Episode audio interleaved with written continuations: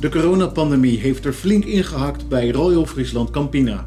Ondanks een stabiele omzet daalde de winst met 37,2% vergeleken met vorig jaar.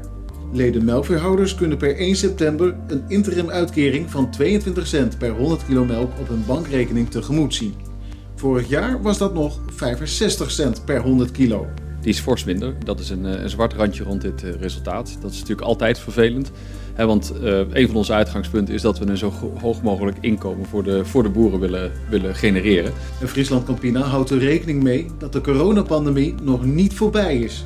Sterker nog, ze gaan ervan uit dat een tweede weef doorzet. We hebben op dit moment uitbraken in, in Zeeland, in Nederland. We hebben uitbraken in, in, in Frankrijk, Spanje, uh, een paar hele belangrijke plekken. Dus eigenlijk, Europa ja, heeft er nu al een mee te kampen. En ik sluit niet uit dat totdat er een vaccin komt, moeten we er rekening mee houden dat je voortdurend van dit soort haarden krijgt. En daar hebben we gewoon rekening mee te houden. Mijn naam is Arie Meijer en dit is aflevering 11 van de podcast van Nieuwe Oogst. Met vandaag de financiële cijfers van Friesland Campina.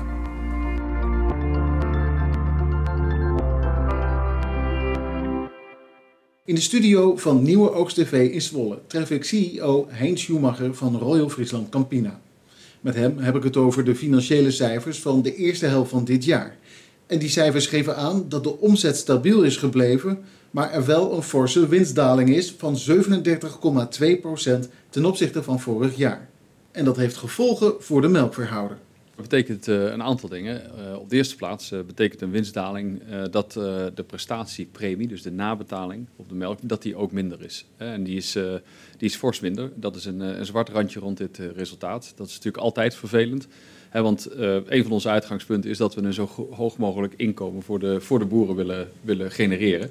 En daar past dit dan natuurlijk niet in. Tegelijkertijd hebben gezien dat in het eerste half jaar hebben we 1,1% meer melk opgehaald bij de boeren. En ondanks de coronapandemie zijn we ook in staat geweest om al die melk op te halen, te verwerken, op tijd te betalen. Um, en daarmee zijn de totale euro's van de onderneming, zeg ik altijd, naar het erf, uh, die zijn weliswaar iets afgenomen met 3%. Uh, eh, dat hadden we liever niet gezien. Maar uh, nou ja, overal is dat toch een, een, redelijk resultaat. Als we kijken naar de eerste helft van dit jaar, het begon goed, tot de, de, de coronapandemie kwam. Uh, desondanks, de, de, omzet is gelijk gebleven, maar wel een winstdaling. Uh, kunt u dat verklaren? Ja, wij hadden een, uh, een bedrijfsresultaatdaling. Dus dat is eigenlijk de winst voor belastingen en, en interestkosten. Um, en een winstaandeel derde was het bedrijfsresultaatdaling was min 16. En dat komt eigenlijk door drie factoren. Op de eerste plaats is de food service. wat wij noemen food service, dat zijn eigenlijk alle leveringen aan bijvoorbeeld hotels, restaurants, cafés die zijn behoorlijk afgenomen. Uh, we hebben een, uh, we eigenlijk op deze business hebben we in 2,5 maand tijd hebben we meer dan 150 miljoen euro omzet zien verdampen. Dus dat is behoorlijk stevig. het tweede betreft de daling van de basiszuivelprijs op de wereldmarkt. zoals u weet, wij betalen een garantieprijs aan onze leden. maar we moeten een deel van die producten verkopen we als basiszuivelproducten op die wereldmarkt. En ja, als je dan meer betaalt aan garantieprijzen en je krijgt er minder op de wereldmarkt voor terug, dan leidt dat tot een verlies. Dus dat is oorzaak 2. En dan oorzaak 3, en die is heel specifiek Friesland Campina, dat betreft eigenlijk Hongkong. Hongkong is uh, eigenlijk sinds een, uh, een, jaar zien we daar de omzet teruglopen. Uh, vorig jaar was dat vooral vanwege de onrust. Dit jaar vanwege de coronapandemie. De grens met China is hermetisch gesloten, maar er gaan ook geen Chinezen meer naar Hongkong toe om daar te winkelen. En dat is een hele be belangrijke inkomstenbron voor ons. Dus die drie zaken bij elkaar, die hebben eigenlijk dit verlies uh, veroorzaakt. Je moet dan denken aan, een, aan ongeveer tegenwind op winstniveau van zo'n 100 miljoen euro plus. En dat hebben we op weten te compenseren voor zo'n 60, eh, 70 miljoen euro in andere plekken in het bedrijf. Maar ja, dan blijft er wel een winstdaling over. En wat, zijn uw uh, verwachtingen voor, voor de rest van het jaar? Nou, um, de verwachtingen uh, die zijn volatiel. In de zin van, ik denk dat we echt in een stevige recessie terechtkomen. dus we zien dat terug in de vraag. Bijvoorbeeld in die, in die horeca waar ik het al over had. in Europa zijn we nog niet terug op het niveau van 100% ten opzichte van vorig jaar. En je moet denken dat op dit moment draait dat allemaal op zo'n 70, 80%. Ik hoop dat dat wat omhoog, omhoog kruipt naar 90%. Maar dat is een onzekerheid. Het tweede, krijgen we een tweede wave, uh, coronawave, daar moeten we goed naar kijken. En ten derde, we kijken op dit moment heel actief naar uh, ja, de kostenstructuur van de onderneming. Zijn er toch ingrepen die we daarin kunnen doen? Hebben we ook iets over gezegd uh, in een persbericht? Um, en als je dat doet, dan gaat de kost vaak voor de baat uit. dus daarom hou ik even de vooruitzichten voor het hele jaar hou ik nog even, even voor me. Ik denk wel, dat is een belangrijk ding, dat de omzet aan de retailkant en de positie aan de retailkant, consumentenproducten, daar zie ik wel een toenemende versteviging. Dus daar ben ik wel positief over. Ja, maar u, u houdt er wel dus echt rekening mee uh, dat, dat, dat een, een uh, een tweede wave van de, van de coronapandemie. Dat die er echt ja, dat die doorzet. Ja, kijk, u, eigenlijk zien we het nu al. En uh, als, je, als je nu kijkt, we, hebben, we leven in de maand juli en we hebben verschillende regionale lockdowns. Zoals u weet, hè, we hebben uh, op dit moment uitbraken in, in Zeeland, in Nederland. We hebben uitbraken in, in, in, Frankrijk, Spanje, een paar hele belangrijke plekken. Dus eigenlijk, Europa, ja, heeft er nu al een, mee te kampen. En ik sluit niet uit dat totdat er een vaccin komt, moeten we er rekening mee houden dat je voortdurend van dit soort haarden krijgt. En daar hebben we gewoon rekening mee te houden. En dan zit je niet op een 100% economie, maar dan zit je op een knipperlicht economie aan en uit. Of op een 90% economie. Nou ja, en in beide gevallen is dat niet uh, ideaal. Voor Friesland Campina betekent dat ook een, een, een reorganisatie om hierop uh, in te springen? Nou, we kijken altijd al naar de kostenstructuur. Uh, dat, dat doe je sowieso. Uh, maar in dit soort gevallen, ook om je winstgevendheid, juist voor ook de leden, om die in stand te blijven houden, kijken we heel actief naar die kostenstructuur en zullen we ingrijpen waar we denken dat dat mogelijk is. Ja. ja. Uh, welke verwachting heeft u bij eh, de, de melkprijs? Nou, het, op dit moment zien we, nadat er een daling was van de wereldmarktprijzen van zo'n 30 procent uh, in het tweede kwartaal, zien we op, dat, dit moment dat die prijzen omhoog gaan. Het stabiliseert, maar ik zie tegelijkertijd heel veel voorraden in de markt. En met name voorraden op boter bijvoorbeeld zijn enorm.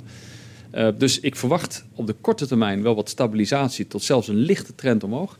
Maar ik verwacht, van, om de redenen die ik net eigenlijk ook aangaf, dat we in de tweede helft van het jaar dat er een lichte afvlakking uh, plaats zal vinden. Ja, en als we, dat, als we het breder trekken, de ontwikkelingen op, uh, op de wereldmarkt, mm -hmm. wat verwacht u dan? Nou, eigenlijk ook een beetje, een beetje dit. Uh, je ziet dat de meeste bedrijven dat die daar ook rekening mee, mee houden. Ook Fonterra heeft daar het een en ander over gezegd. de andere grote, grote zuivelbedrijven hebben daar iets over gezegd. we zien veel fluctuatie, maar we houden op dit moment rekening met een, een lagere vraag in de hele wereld. en dat die ja, in de tweede helft van het jaar dat de melkprijzen dus iets af zullen vlakken. Ik verwacht geen instorting, dat zeker niet. Maar ik verwacht een nou ja, stabiel tot licht afvlakkende melkprijs. Ja.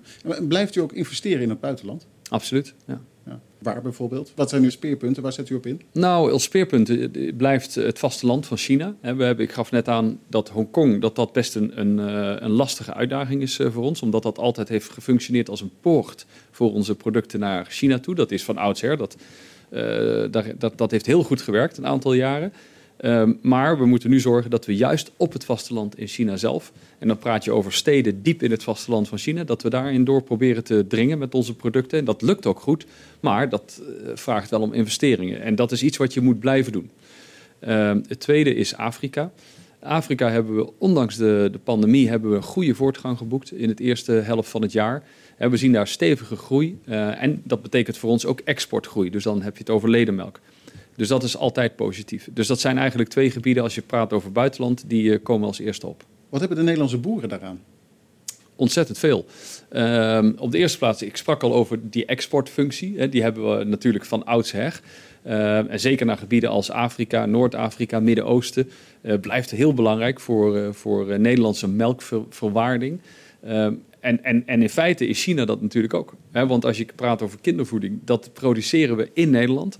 Uh, en dat is, uh, ja, dat is een cruciale onderdeel van melkverwaarding, maar is ook een winstmotor van het bedrijf. En dat resulteert dan weer in een hogere prestatiepremie. Dus ik denk dat dat buitenland, dat is al belangrijk. Um, en dat zal misschien nog belangrijker worden. Dat zei CEO Hein Schumacher van Royal Friesland Campina. En daarmee zijn we aan het eind gekomen van deze podcast over de financiële cijfers van het bedrijf. We hebben Heinz Schumacher trouwens nog veel uitgebreider gesproken, onder meer over het verdienmodel van de boeren en over de export naar China en Afrika. Wilt u weten wat hij daarover zegt? Lees dan de nieuwe oogst van zaterdag 25 juli. Voor nu, bedankt voor het luisteren en graag tot de volgende.